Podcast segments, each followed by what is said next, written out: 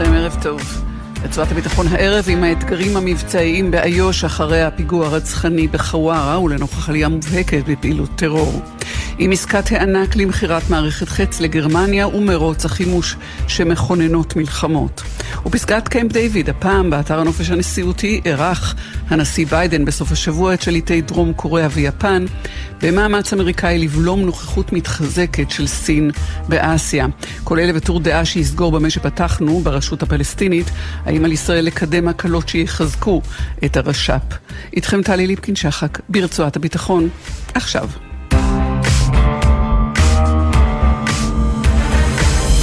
פותחים אה, כדרכנו עם אה, דיווח ועדכון אה, היום הזה, דורון קדוש, כתבנו לצבא וביטחון, שלום לך.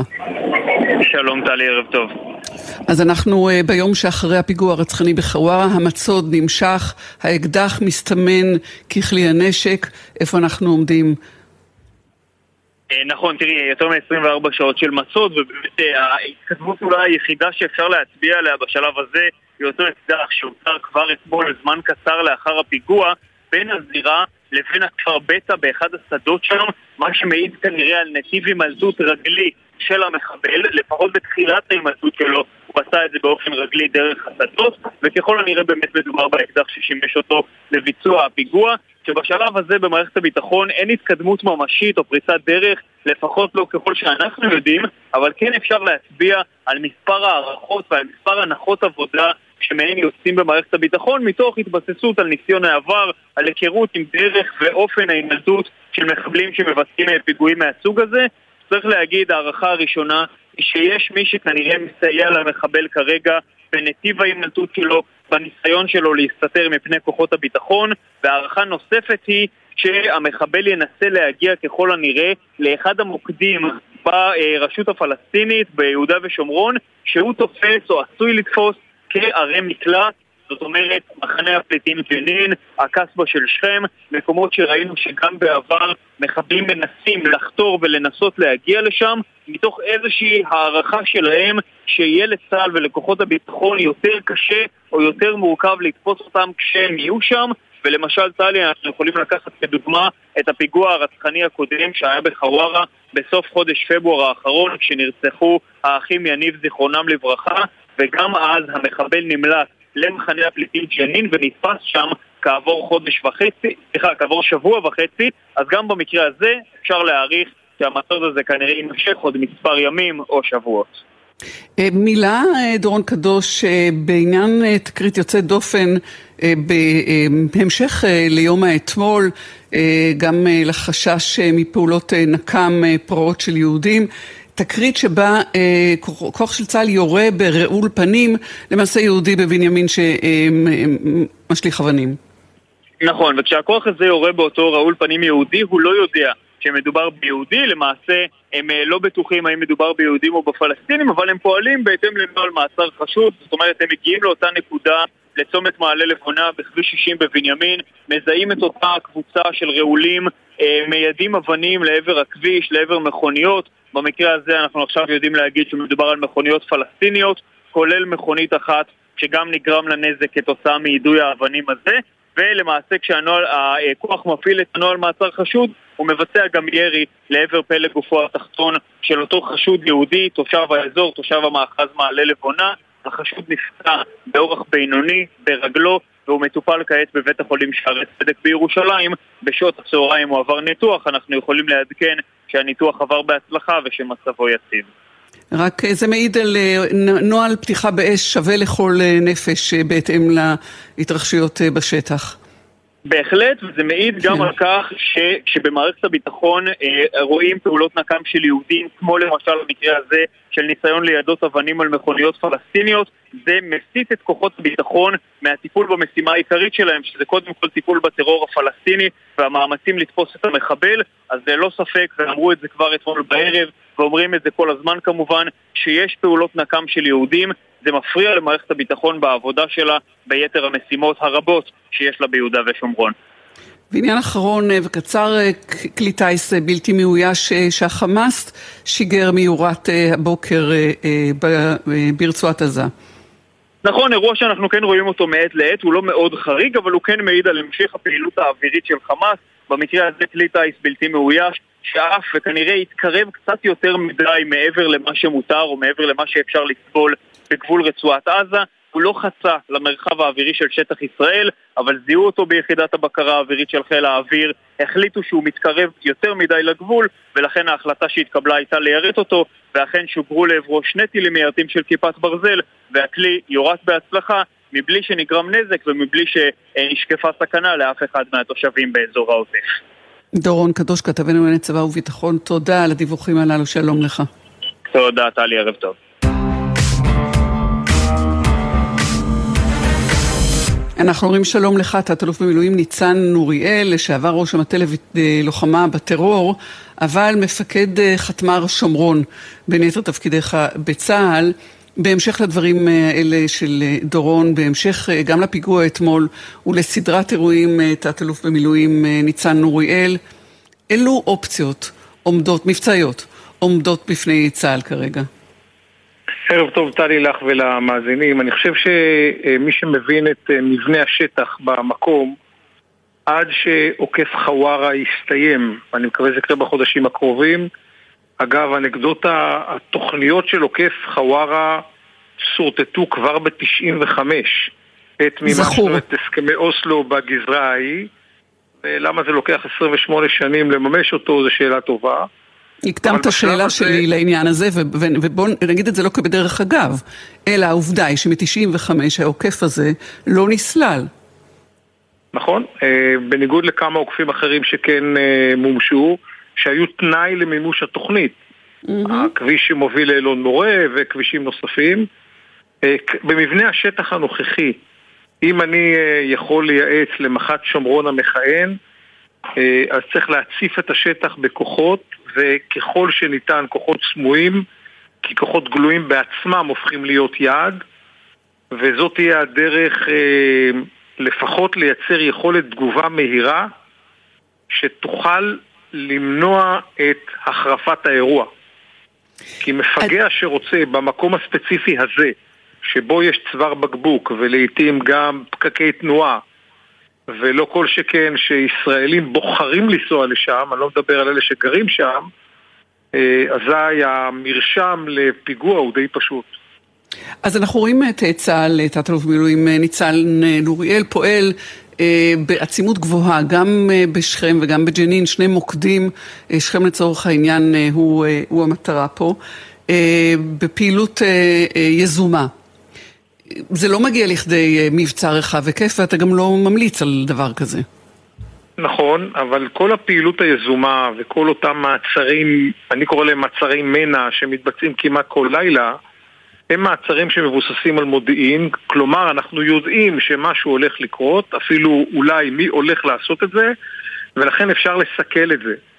אבל כשאין את המידע, ואני לוקח את הפיגוע של אתמול בתור דוגמה, אז אתה לא יכול לסכל, כל מה שאתה יכול לעשות זה להגיב ככל שניתן בזמן אמת, אם יש לך כוח חמוש במקום.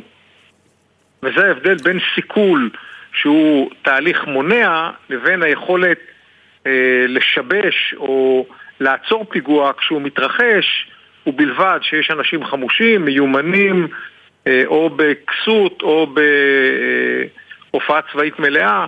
אבל הם אלה שיכולים לעצור את האירוע שבעצם כבר התחיל. יש לך פרספקטיבה אה, של שנים רבות. אתה רואה איזשהו, איזשהו תהליך, איזושהי, איזושהי דינמיקה שמתפתחת, מביאה אותנו למקום שבו אנחנו היום? אה, כן, לצערי אה, יש דינמיקה. אי אפשר לנתק אותה מהקשרים פוליטיים כאלה ואחרים. אי אפשר לנתק אותה מחולשתה של הרשות הפלסטינאית, שרק לסיבות להיחלשותה אפשר לעשות תוכנית שלמה.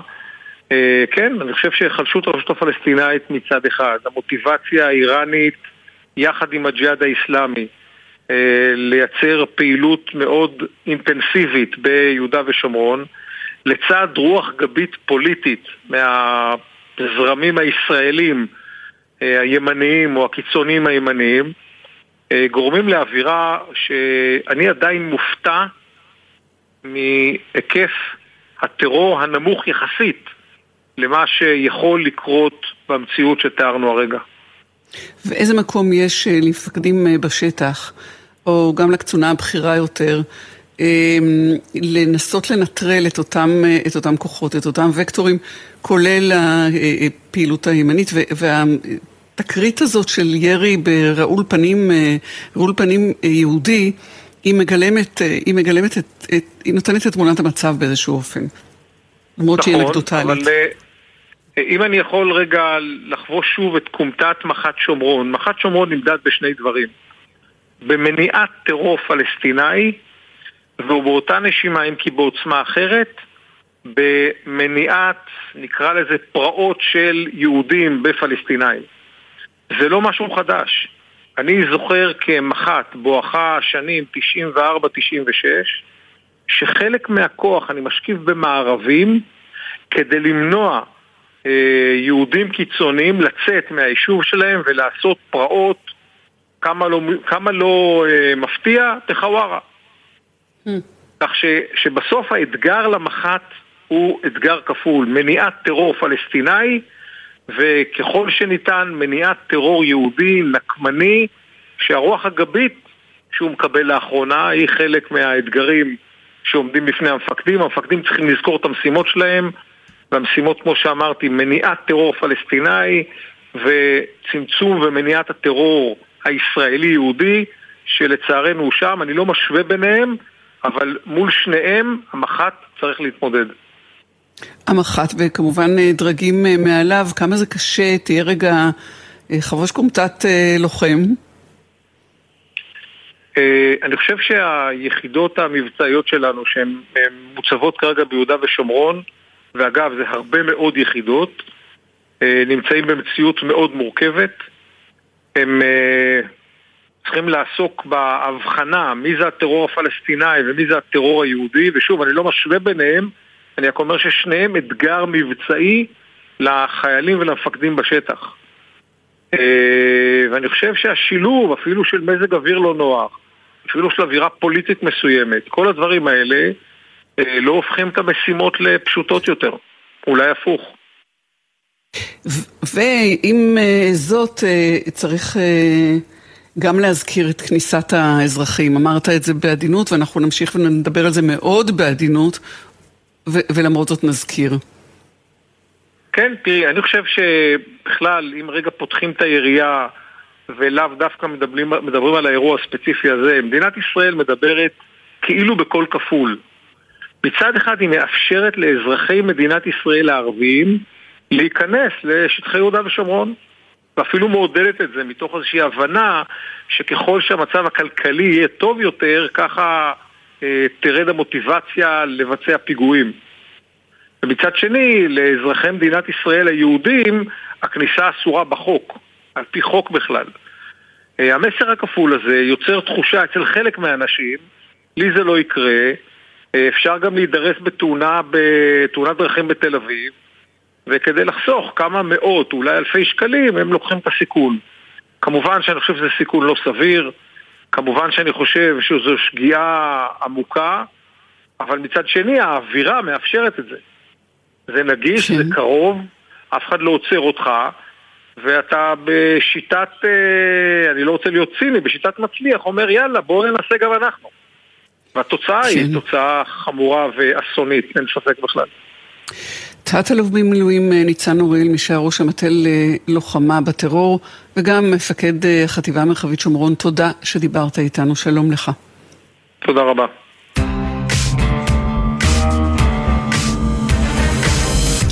ועכשיו אנחנו לעסקת הענק שקורמת עור וגידים, קיבלה את אישור אה, האמריקאים, מכירת מערכות חץ שלוש של ישראל לגרמניה. אה, בניקוי הפוסט המביך של ראש הממשלה נתניהו, שביום אה, חמישי התהדר אה, במהלך הבאמת מרגש הזה, עם טעויות היסטוריות מביכות, היום עשינו עוד רגע היסטורי, ישראל חתמה על העסקה הביטחונית הגדולה בתולדותיה, אבל זו לא סתם עסקה ביטחונית, ישראל מוכרת לגרמניה את הטיל המשוכלל ח' שלוש לפני 75 שנה, העם היהודי נטחן עד עפר על אדמת גרמניה הנאצים. נעשה חשבון לא 75 שנה, לפחות 81 וגם יותר. הוא לא נטחן על אדמת גרמניה, הוא נרצח והושמד באירופה, אבל מעבר לזה ובניקוי המבוכה הזאת, אנחנו בהחלט מדברים בהתפתחות מרעישה בכל קנה מידה. שלום לשגריר ישראל בגרמניה, רון פרוסור. שלום וערב טוב, טלי. וברכות חמות, גם לך באופן אישי.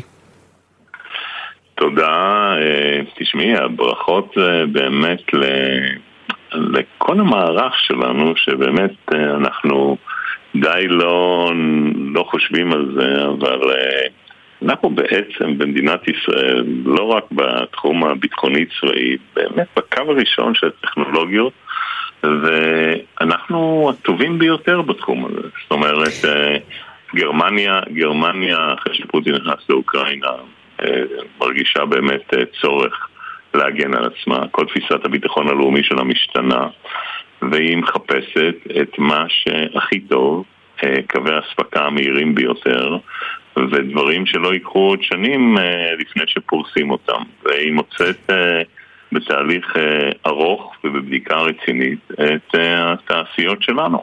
זה מאוד מרשים.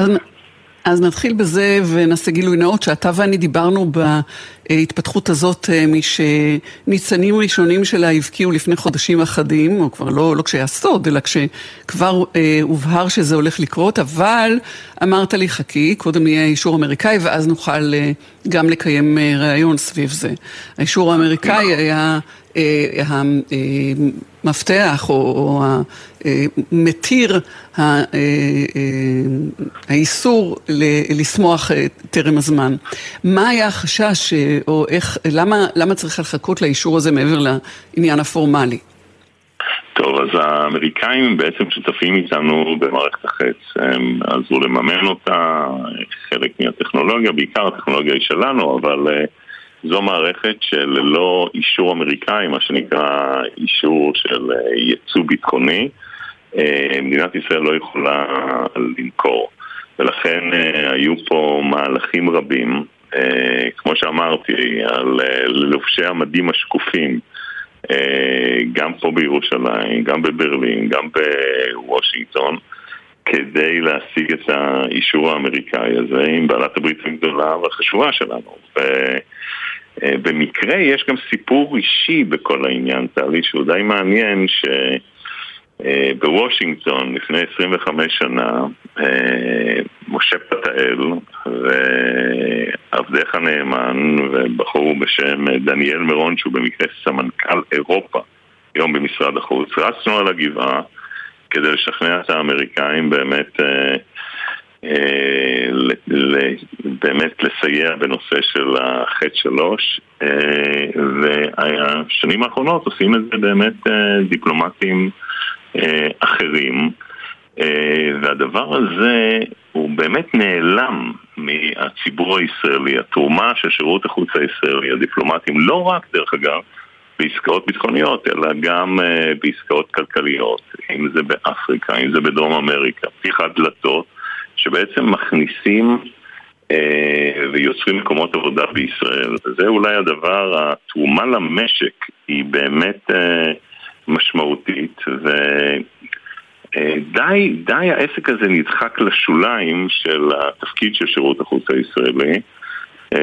ובאנלוגיה, במיוחד אצלך, ברצועת הביטחון, תחשבי שאם יש לנו 106 או 8 נצ... נציגות ברחבי העולם, זה כמו מוצבי פיקוד קדמיים, תאבי, שפרוסים ברחבי העולם, ועושים עבודה משמעותית, אבל חלקם אין להם אמצעי ראיית לילה, אין להם נשק תלול מסלול, ולפעמים אין להם אפילו מים ותחמושת כדי להחזיק את המוצר. וצריכה להיות הבנה טובה יותר שבאמת השקעה תחזיר חזרה למשק הישראלי, אני לא יודע בדיוק כמה ההחזר כיום, אבל יש פה ממש אה, תמורה לאגרה. אז, אז אחרי שאמרנו את זה, ואתה כדרכך נציג נאמן וגם מובהק ביותר של שירות החוץ הישראלי, כמו שאתה קורא להם, לובשי המדים השקופים, בוא נדבר רגע על גרמניה ועל המורכבות, או איך התפתח העניין. אז ברור שמלחמה באוקראינה היא זו שהייתה המאיץ. אמ, ופה יש גם את הצורך לזהות הזדמנות וגם לעבד אותה לכדי אה, עסקה שתקרה, שתתקיים.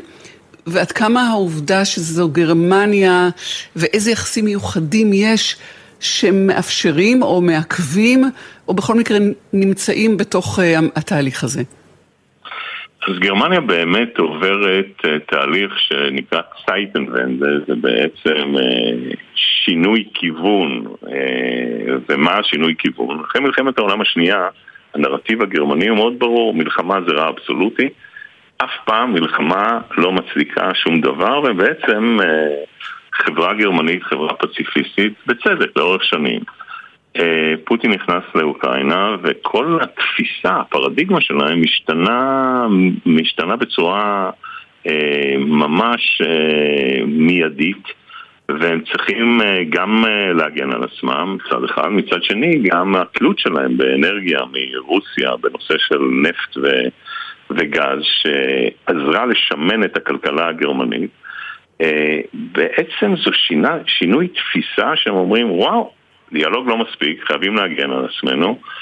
אה, אנחנו הולכים לישראל שהיא באמת אה, מסוגלת לתת פתרונות מיידיים הטובים ביותר.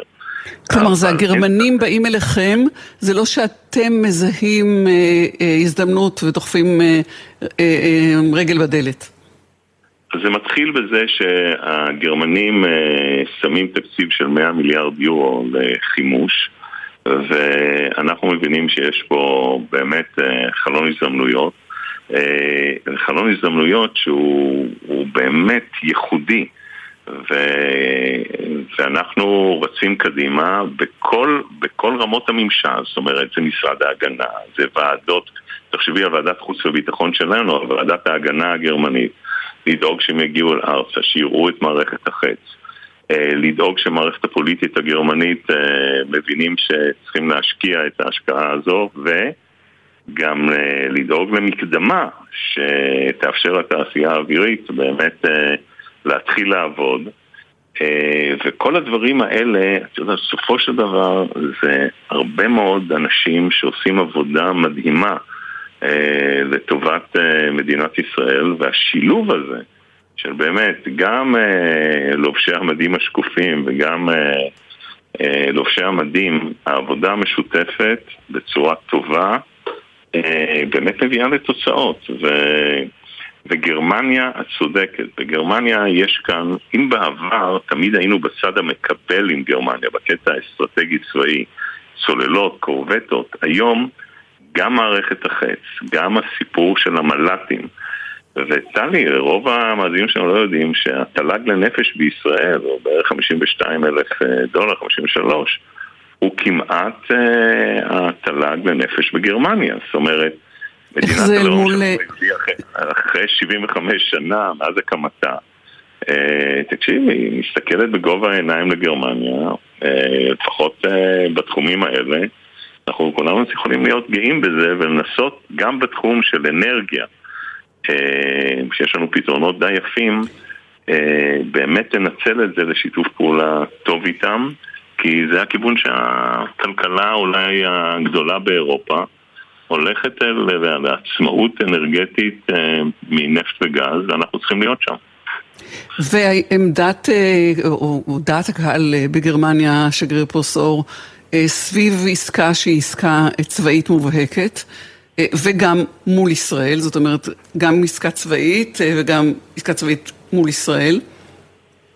אז פה יש לה, לאופיו של הקאנצלר שולץ, לדעתי, תפקיד מכריע. הוא מאוד שקט, הוא ענייני, הוא לא נתפס כמחרחר מלחמה, ולכן הוא מסוגל להזיז את החברה הגרמנית לתמוך באמת בתמיכה באוקראינה ולתמוך בהוצאות שהן הוצאות אה, ביטחוניות צבאיות כדי להגן על גרמניה, וסליחה, אני שכחתי דבר חשוב, ההגנה היא לא על גרמניה בלבד, אלא על שאר מדינות אירופה. זאת אומרת, הפריסה של סוללות החץ היא תהיה בגרמניה ככה שהיא תגן גם על מדינות נוספות באירופה, קרי גם חיבור של המערכת הישראלית לחלק מהמערכות של נאט"ו, שגם זה שדרוג. תחשבי, תו תקן גרמני על מערכת ישראלית גם פותח mm-hmm. שווקים נוספים והזדמנויות, וגם החיבור לתוך, לתוך נאט"ו בעצם בא ומכיר, העולם מכיר בצורה מאוד מאוד ברורה ביכולות הישראליות, ביכולות שלנו וזה יפה מאוד. עוד משהו על דעת הקהל, בהינתן שמערכת החצי היא מערכת הגנה, יש לזה משמעות בעיצוב דעת הקהל? Uh, התשובה היא כן, יש לזה, במיוחד שזה מערכת uh, הגנה, זה רק מראה את החשש הגרמני uh, ממה שפוטין יכול לעשות uh, בהמשך.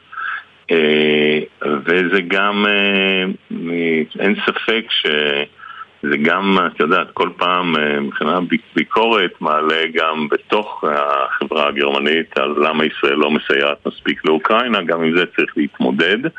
אבל יש כאן uh, בעניין הזה הבנה שהנה uh, ישראל עוזרת להגן על גרמניה ואירופה, ומכיוון שזה נשק הגנתי, uh, זה עובר טוב יותר.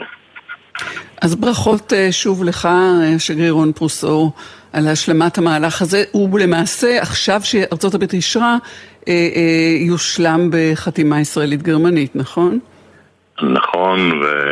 פה את יודעת, גם חייבים לציין את אה, בועז לוי, מנכ"ל התעשייה האווירית, שקט וצניעות, אה, באמת... דיבר אה, אצלנו לפני שעה בתוכנית, קיבל, קיבל מקום של כבוד.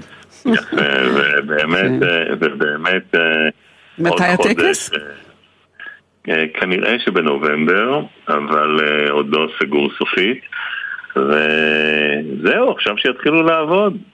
תהיה רכבת אווירית של חבר'ה שיתחילו, מה שנקרא, להציב את הסוללה במדינת ברנדלבורג בגרמניה, אה, שזאת תהיה המדינה הראשונה שתקבל את סוללת החץ הראשונה. ואני אוסיף, אה, אה, ושלא נצטרך, וכיתתו חרבותם לעיתים. רון פרוסור. שלום לך, תודה רבה, שגריר רון פרוסור. שלום. אה, אנחנו נעשה, נצא להודעות תחנה ותכף נחזור.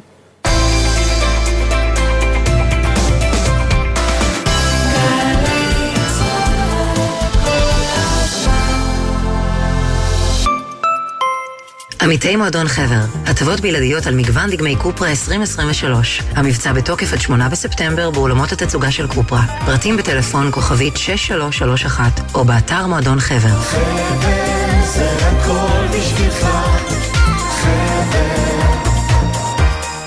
אוגוסט 67, רותי פרמינגר יוצאת לטייל. זה היה יום שבת, המקום היה מגודר, ואפילו שלט זהירות מוקשים. התלבטנו אם להיכנס או לא, ואני ביקשתי שלא ניכנס, אבל הלחץ החברתי היה גדול, והחבר'ה רצו להיכנס פנימה, ונכנסנו. ובום. אחרי הבום הייתה דממה, באותו רגע ראיתי שאין לי רגל. גדרות הנושאות סימן משולש, ושלט צהוב לא חוצים. מטיילים בטוח. מוגש מטעם הרשות לפינוי מוקשים הביטחון. בכל חמישי בחצות. שלום לך, שחר אמנו. לילה טוב, בן. מה המצב? זה הזמן. במזרחית. בן פראג' ושחר אמנו מארחים את אומני הזמר המזרחי המובילים. לילה טוב לאורח שלנו דוד זיגמן, ישי לוי, יוסי גיספן, שגיב כהן, חיים מוליאל, סמי לזבי. עם מוזיקה שמזכירה נשכחות והשיחות אל תוך הלילה. מי מגילה את זוהר? עכשיו הזמן במזרחית, חמישי בחצות, גלי צה"ל. עכשיו בגלי צה"ל, טלי ליפקין-שחק עם רצועת הביטחון. הבית של החיילים, גלי צה"ל. שבע שלושים ושלוש אה, כמעט, אנחנו ממשיכים מעניין לעניין באותו עניין. יוסי אקרמן, שלום לך. שלום, שלום לך ולמאזינים. נשיא אלביט מערכות לשעבר, היום אתה יזם, חקלאי בבית לחם הגלילית, מגדל זיתים ועושה שמן זית. אבל כן. אתה איש שיודע איך מוכרים מערכות אה, נשק, ואיתך אני מבקשת לדבר על מרוץ החימוש שמכוננות ומחוללות מלחמות. על הדינמיקה הזאת, על הדיאלקטיקה הזאת שמלחמות מייצרות מערכות נשק, מערכות נשק אולי מייצרות מלחמות. תראי, לעניין באמת אה, דרך להסתכל. יש שיאמרו, ואני מכיר את התזה הזו, שמערכות נשק מייצרות מלחמות, אבל אני רוצה לטעון שמערכות נשק גם מונעות מלחמות. כי אנחנו יודעים שמה זה איום צבאי? איום צבאי בנוי משני וקטורים, וקטור היכולת ווקטור הכוונה. זאת אומרת, כשאנחנו רואים יכולת, תזכרי את אה, משבר הטילים בקובה, אז כשהאמריקאים ראו יכולת של טילים בקובה, ביניהם זו הייתה הכרזת מלחמה, הם לא חיכו אפילו לכוונה. ואם לך יש מערכות חזקות, מערכות נשק חזקות, אתה יכול להימנע מלפתוח במלחמה. אם אנחנו עשינו למשל ישראל כיפת ברזל, לא היינו חייבים כל פעם לתקוף את מערך הרקטות שיש בעזה או בלבנון. Mm-hmm. כלומר, mm-hmm. מערכות נשק, יש להן יכולת התקפית, זה נכון, יש להן יכולת הגנתית, אבל גם יכולת איומית.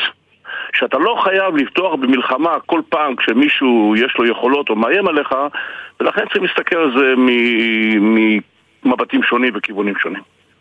אז בכל זאת לקחת את הדוגמה של אה, אה, ההסכם, העסקה הגדולה הזאת, אה, ולראות איך המלחמה באוקראינה משנה את פני אירופה, ומשנ... ומדינות משנות כיוון מפציפיזם להתחמשות, ואיך נוצרות גם בריתות וגם מחויבויות נרחבות בחלק מהמקרים, בחלק דווקא התכנסות פנימה.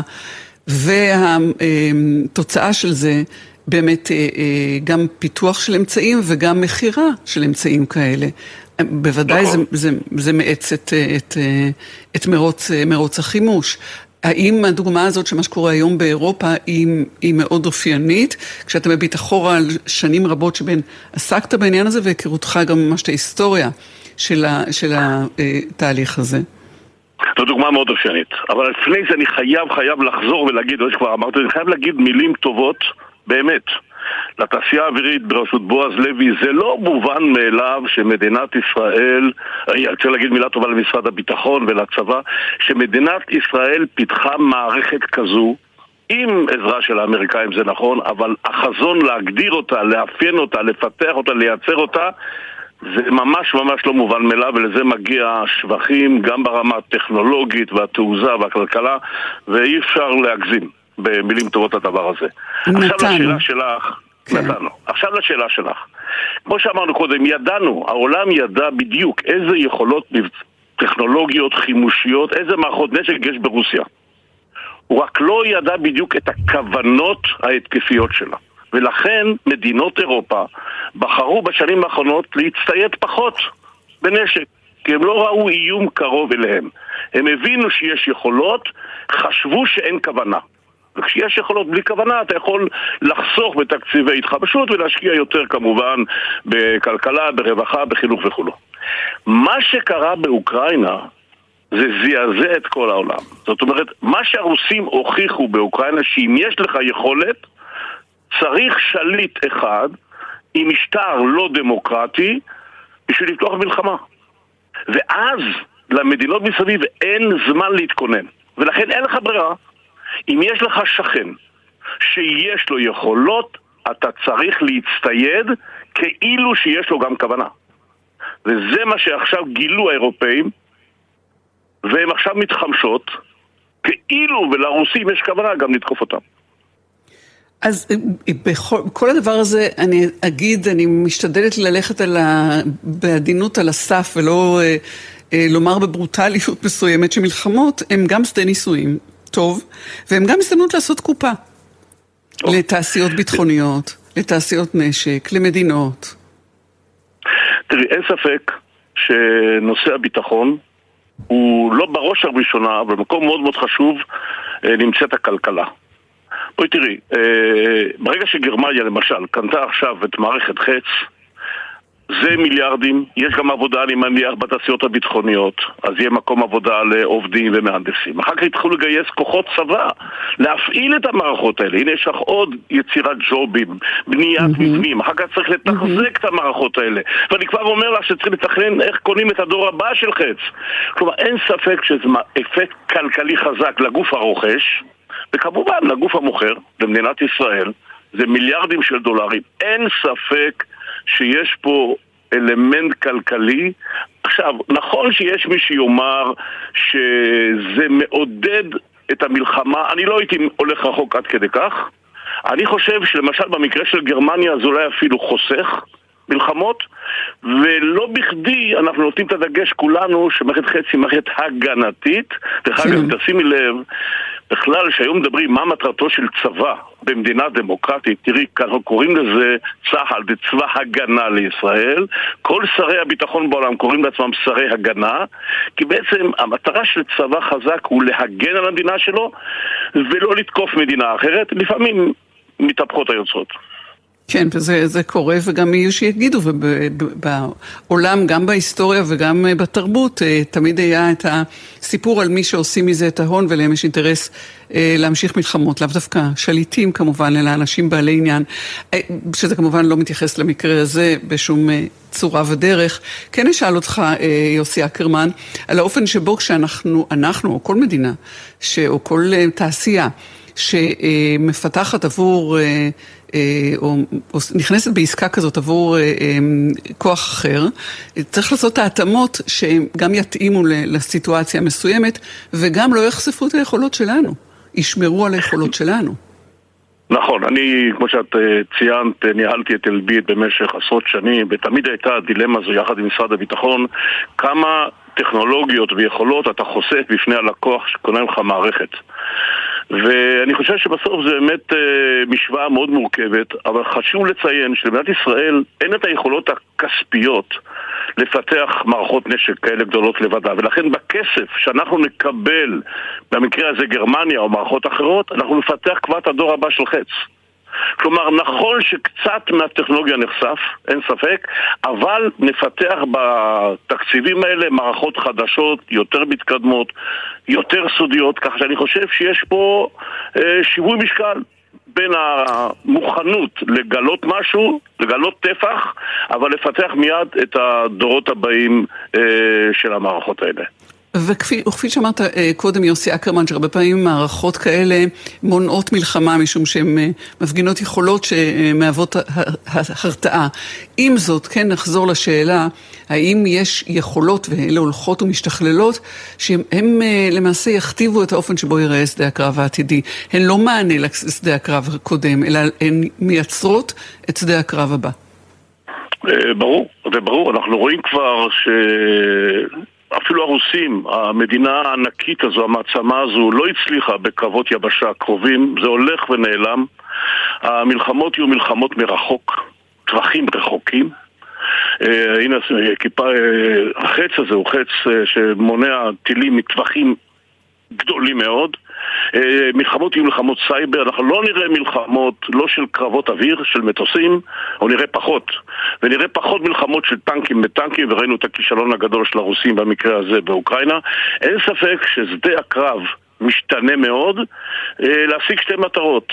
א', לחסוך בחיי חיילים, בעיקר של ה... אנחנו היום רואים מלחמות מרחוק, ולחסוך בחיי חיילים, מלחמות שמבוססות טכנולוגיה, ולא קרבות אה, פנים על פנים, אה, פנים אל פנים כפי, ש, כפי שראינו בעבר. הבעיה היא רק, אה, את יודעת, שברגע שזה קורה, יש לנו גם סוגי חימושים. ששמים היום מערכות הנשק שקצת שוב משנות את שדה הקרב. הרבה אפילו. אי אפשר לסיים את השיחה הזאת, יוסי אקרמן, בלי לשאול על המהפך שאתה עשית מאיש שעומד בראש מעצמה לפיתוח וייצור מערכות אה, צבאיות, הן להגנה והן להתקפה, למגדל זיתים ומפיק שמן? תראי, אה, קודם כל זה באמת נשמע כמו מהפך גדול, אבל אני מאוד שמחתי לשרת את מדינת ישראל, כלכלת ישראל באלביט, שעשתה מערכות מדהימות, מדהימות, מדהימות לטובת צה"ל ומדינות אחרות, ותמיד גם אמרתי לעצמי, אה, כדי שאנחנו כולנו מאמינים בתפילה של ישעיהו, וגר זאב עם כבש, נכון, וחולמים על הימים האלה, אבל כשזה יגיע, תמיד עדיף להיות הזאב ולא הכבש. ולכן אה, תמיד נצטרך לפתח מערכות לחימה, אבל כשעברה הזמן והגעתי, עברתי את גיל ה-60, חשבתי שצריכים לעשות, להחליף עזה, להשאיר את אה, העשייה הביטחונית למישהו אחר, וקצת לעסוק בדברים אחרים. קצת אה, לעסוק בחינוך, קצת לעסוק בחקלאות. קצת לעסוק בעצם בנושאים שבשבילם מערכת הביטחון שומרת עלינו. אז אני היום אה, חקלאי, מגדל שעושה זיתים ושמן זית, חבר בהרבה מאוד עמותות שעושות, מנסות לעשות טוב לעם ישראל. אני הקמתי מקום בשם אופן ואלי, שיושבים אצלי עשרות סטארט-אפיסטים באזור הצפון, ואני מנסה לעזור להם ולהצליח. ואני מרחוק, כמובן, אה, מאחל הצלחה לתעשיות הביטחוניות, אבל אני מאוד מקווה שלא ישתמשו במערכות שהן אה, מוכרות. אמן. יוסי אקרמן, מי שהיה נשיא אלביט מערכות, יזם, חקלאי בבית לחם הגלילי, תודה שדיברת איתנו, שלום. כל טוב, תודה רבה.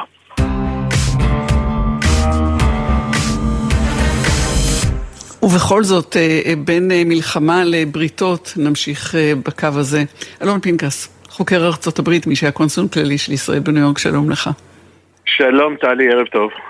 אנחנו יודעים שמדובר בקמפ דיוויד, שם מקום שמתכנסים בו להסכמות ולבריתות וגם לשלום. לא תמיד זה מצליח.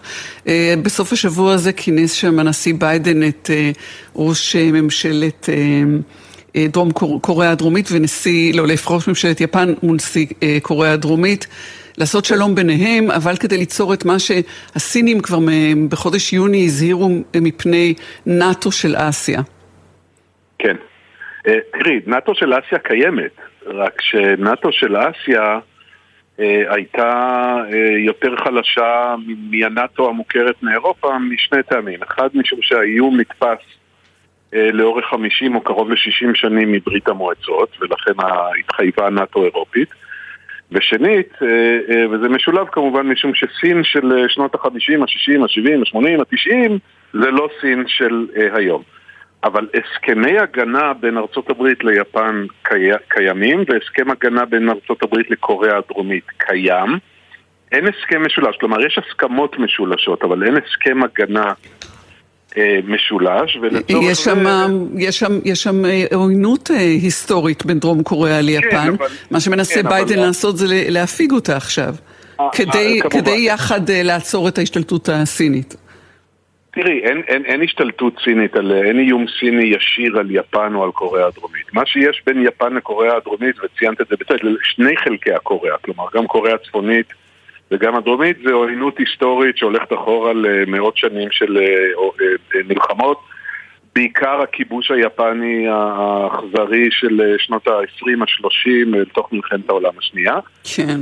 יש גם את מלחמת קוריאה, כמובן מ-1950 עד 53, ויפן של אחרי מלחמת העולם השנייה, טלי, הייתה יפן פציפיסטית שנאסר עליה לקיים צבא. טוב, אז זה, זה כבר, אנחנו אחרי זה, ועכשיו אה, אה, אנחנו רואים את ביידן בכל זאת אה, מבטיח נכון. בסוף השבוע הזה שהוא יאחד, יסגור שורות איתם, יביא ביניהם נכון. למסמך מחויבות שיחייב אותם להתייעץ ולפעול במתואם לנוכח כל מיני איומים ביטחוניים. נכון. לא מדברים על ברית, אבל על, אבל איזושהי מחויבות. וחונכים גם איזה קו אדום משולש, יש פה איזשהו, איזשהו תהליך שהוא אישור לצופף שורות. בהחלט. יש פה בהחלט תהליך, ואני רוצה להגיד שני דברים אה, אה, ממבט על אסטרטגי על זה, קצרים. אחד, זה משולב בתוך התפיסה של ביידן של מדיניות חוץ באמצעות בריתות, אה, בין אם תחזוקת בריתות קיימות כמו זו או והרחבתן, או יצירת בריתות חדשות כמו שתי בריתות שהוקמו בשנתיים האחרונות, אחת שנקראת אאוקוס, שזה ראשי תיבות של אוסטרליה, בריטניה וארצות הברית, והשנייה שהיא ברית לא רשמית שנקראת בקוואד המרובע, כמו שריר ה... השריר mm-hmm. המרובע ברגל. למי שיש אותו, כן. כן, למי שיש אותו, שכוללת את אה, אוסטרליה, הודו, אה, אה, ארצות הברית ובריטניה. עכשיו, זה חשוב משום שהאמריקאים מזהים שלושה סוגים של איומים, ופה נכנסת השיחה שלנו על יפן וקוריאה דרום קוריאה והפגישה בקן דיוויד. איום אחד זה הנשק הגרעיני של קוריאה הצפונית, אה, וצריך לזכור בהקשר הזה שקוריאה הצפונית היא לא אלימה והיא לא אה, אה, מתפשטת והיא לא נותנת חסות לטרור, היא פשוט רוצה שיניחו אותה לנפשה, אבל כדי שיניחו אותה לנפשה יש כבר שלושה דורות של מנהיגים דגולים, מקים איל סונג דרך הבן שלו ועד קים ז'ון גרון, חביבנו הנוכחי, שפיתחו נשק גרעיני ומאיימים על כל העולם ואחותו, כולל ירי, כולל ניסויים שהם עושים כל חודש בערך של, טילים שנופלים בים אה, יפן mm-hmm. המזרחי. Mm-hmm. אה, זה איום אחד. האיום השני זה האיום הסיני הגדול, כלומר ההתפשטות הסינית, תקציבי הצבא העצומים שסין התחילה לפתח או להשקיע בצבא שלה. והאיום השלישי הוא איום אה, גיאוגרפי, ופה חשוב להזכיר שיש עוד ברית, שלא לא, לא, לא לשמה התכנסנו, יש ברית בין ארה"ב לפיליפינים, שהיא ברית הרבה יותר, ברית הגנה מחייבת, שהיא הרבה יותר חזקה ממה שיש בין ארה"ב ליפן או בין ארה"ב לקוריאה הדרומית. עכשיו, אם לוקחים את, ה, את סין, את הנוכחות הסינית בים סין הדרומית, דרום מזרח אסיה, ואת קוריאה הצפונית, אה, ביידן מבין שהוא צריך, או הבין, וזה נובע ונגזר מתוך תפיסת הבריתות שלו, שהוא צריך לחזק את שיתוף הפעולה בין יפן לקוריאה הדרומית. יש, יש, יש פה עוד דבר נורא חשוב שכדאי, אה, זה טלי, אה, לשים אליו דגש. התקציב ביטחון של יפן, מאז שקישידה הוא, הוא ראש הממשלה, גדל ב-26% והוא עכשיו 52 מיליארד דולר ב-2023. לצורך השוואה של, של ישראל הוא 23 מיליארד, 24 מיליארד בנתונים רשמיים. זה, זה משמעותי מאוד, כלומר ההתעצמות הצבאית של יפן היא משמעותית, אה, גם לקוריאה הדרומית תקציב גדול. תזכרי טלי, אלו שתי מדינות סף גרעיניות, אלו שתי מדינות שיש להן את הטכנולוגיה ואת הרכיבים לפצצות אה, גרעיניות, והדבר האחרון שאנחנו רוצים, אנחנו זה ארצות הברית לצורך העניין, אה, זה יפן וקוריאה הדרומית מגורענות.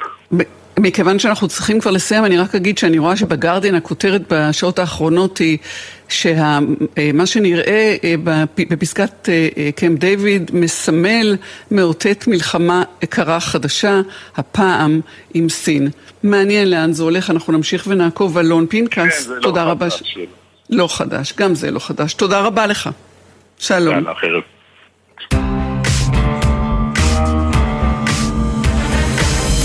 פתחנו באיו"ש, נסיים ברש"פ, מצבה של הרשות הפלסטינית ומידת ההיגיון בציפייה שישראל תסייע בחיזוקה בתור דעה של פרופסור קובי מיכאל, חוקר בכיר במכון למחקרי ביטחון לאומי, הנה היא. לפי דעתי... בשבוע שעבר קיבל הקבינט המדיני-ביטחוני את ההחלטה לנקוט בכמה פעולות לחיזוק הרשות הפלסטינית או למניעת קריסתה.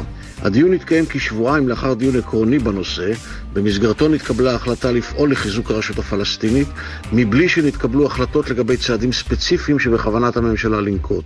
העובדה שראש הממשלה הצליח, למרות התנגדות השרים סמוטריץ' ובן גביר, להעביר בקבינט את ההחלטה לפעול בכמה מישורים, ובכללם דחיית תשלומי חוב של הרשות הפלסטינית, הגדלת תשלומי העברה לרשות הפלסטינית ממיסי המעבר בגשר אלנבי, ובניית אזור תעשייה באזור חברון, מעידה על נחישות ראש הממשלה והפנמתו העמוקה את הנחיצות וההכרח במעשה ישראלי למול חולשת הרשות הפלסטינית, מעמדה הכלכלי המעורער והלגיטימציה הציבורית הנשחקת שהיא חובה מזה מספר שנים.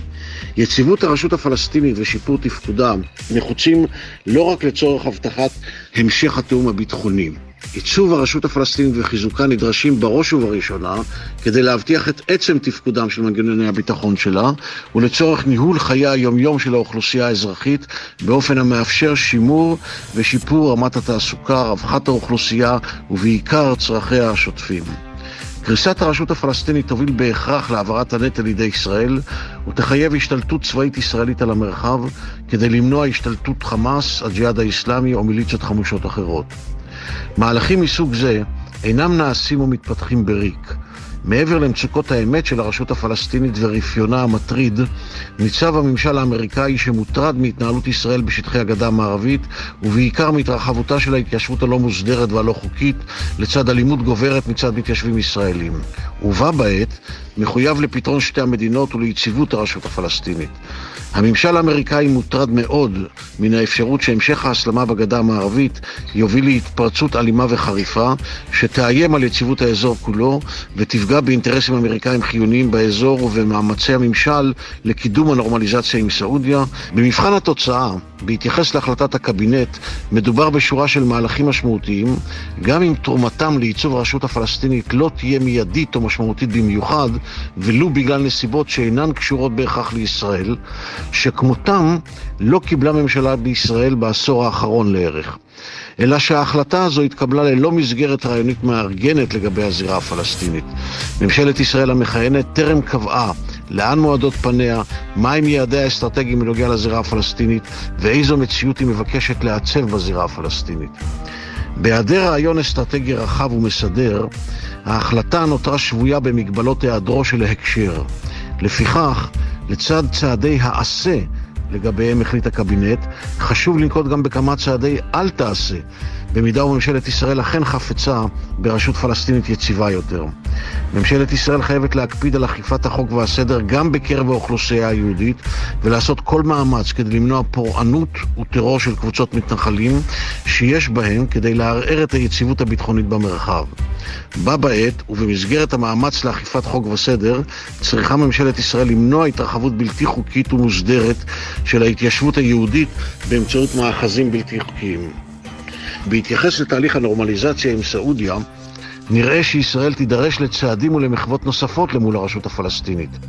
גם אם אלו תהיינה יותר סמליות במהותן, ספק אם ראש הממשלה יוכל להתחייב להם בתנאי הקואליציה הקיימת. אם הנורמליזציה עם סעודיה היא ה-game changer בעיני ראש הממשלה, המהלך שיוביל לעיצוב הארכיטקטורה האזורית החדשה, שתהפוך את ישראל לחלק לגיטימי ורצוי במרחב הערבי ומעבר לו במרחב האסלאמי, כשפניו נשואות לאינדונזיה ולמלזיה, ותבסס את מעמדה האזורי, הכלכלי והביטחוני, ייתכן ויידרש לשינוי המפה הפוליטית בישראל ולהינדוס מחדש של הקואליציה, לנצל את ההזדמנות ההיסטורית גם למסגור מחדש ובהסכמה של מהלכי הרפורמה המשפטית, באופן שיסייע למיתון השסעים ולחיזוק הלכידות מבית.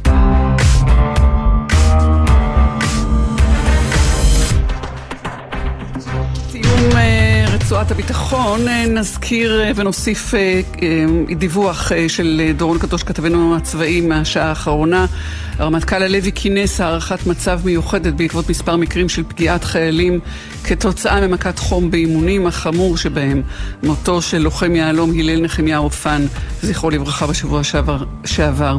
הרמטכ"ל הנחה להציג לו את מסקנות התחקיר תוך שבוע והחליט להחמיר בנוהלי הוצאת אימונים בהתאם להתחממות גלובלית ולבחון מחדש את מועדי הגיבושים למתגייסי מחזור אוגוסט, ידיעה חשובה ביותר.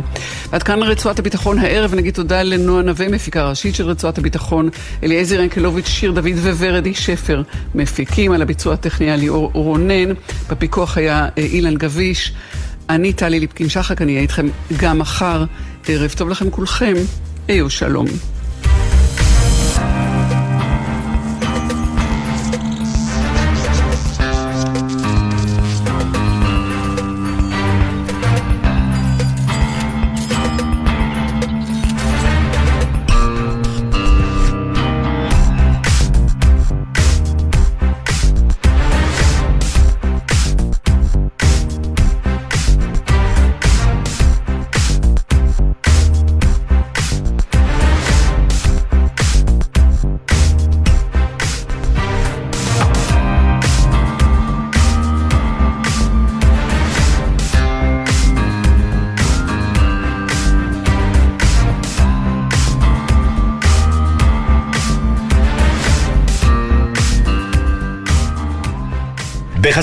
אוטודיפו, המציעה מצברי ורטה לרכב, כולל התקנה חינם, עד תשע בערב. כי אם יש משהו יותר מעצבן מלהיתקע בפקק, זה להיתקע בחנייה.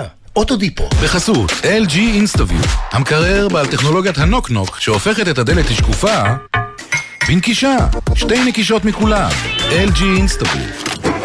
מה נשמע, נשמע, סוף השבוע.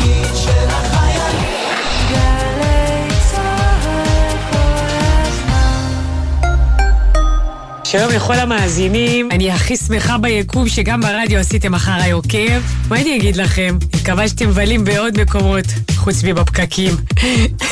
סתם, זה לא יפה, וואי, אני לא בסדר, זה לא... עדן, יצאתי לא בסדר. מועדון ההטבות של מנוי פיס. כל ההטבות שתוצאנה אתכם לבלות וליהנות. עוד אין לכם מנוי? להצטרפות חייגו, כוכבית 3990. תבלולו! המכירה אסורה למי שטרם מלאו לו 18. אזהרה, הימורים עלולים להיות ממכרים. הזכייה תלויה במזל בלבד. שומעת? זה כאן. דיור בהנחה, תחבורה מעולה, התחדשות עירונית אחראית. איפה אתה? בעתיד? לא, בכפר סבא. חפשו פרויקט הצעירים מעיריית כפר סבא. העתיד מתחיל כאן. מאוחר בלילה, כשהזמן של היום כאילו כבר חמק מבין האצבעות. אני מזמין אתכם לאבד איתי תחושת זמן או סגנון. כאן יוסי פיין, ואני מתרגש לחוות איתכם כל יום ראשון בחצות מוזיקה שהיא מעבר לזמן וללא מגבלות. נהנה מג'אז, שמרשה לעצמו להיות גם היפ-הופ, מוזיקת עולם ואפילו אלקטרוני. נשמע סיפורים וקטעים נדירים מהופעות. בדיוק שלא ברור אם זה ראשון או שני, אנחנו יודעים שאנחנו בציפורי לילה מוזיקליות. מעל הזמן. הלילה בחצות, גלי צה"ל. א', עצור. מ', מיינמר. צדי. צרפת. הלובר נסגר לתקופה הארוכה ביותר מאז מלחמת העולם השנייה. א', ארצות הברית. אוזבקיסטן. אוסטרליה. ארמניה. רגע, איך כל זה ייכנס ברבע שעה? גלי צה"ל מציגה מסביב לעולם מגזין חוץ שמסכם לכם את כל מה שקורה בתבל ב-15 דקות בלבד. חמישי, רבע לאחת בצהריים. גלי צה"ל. קיץ. השמש קופחת בבסיס. חם במדים. והשמירות מתישות. ומה שהכי בא לכם זה איזו קולה מרעננת. קולה של אימא, במהדורת קיץ חדשה ורעננה. התוכנית המיתולוגית מתרחבת לשעתיים שידור, קיציות, מחדשות ומרגשות. קולה של אימא. שישי, עשר בבוקר, גלי צה"ל. אתם מאזינים לגלי צה"ל.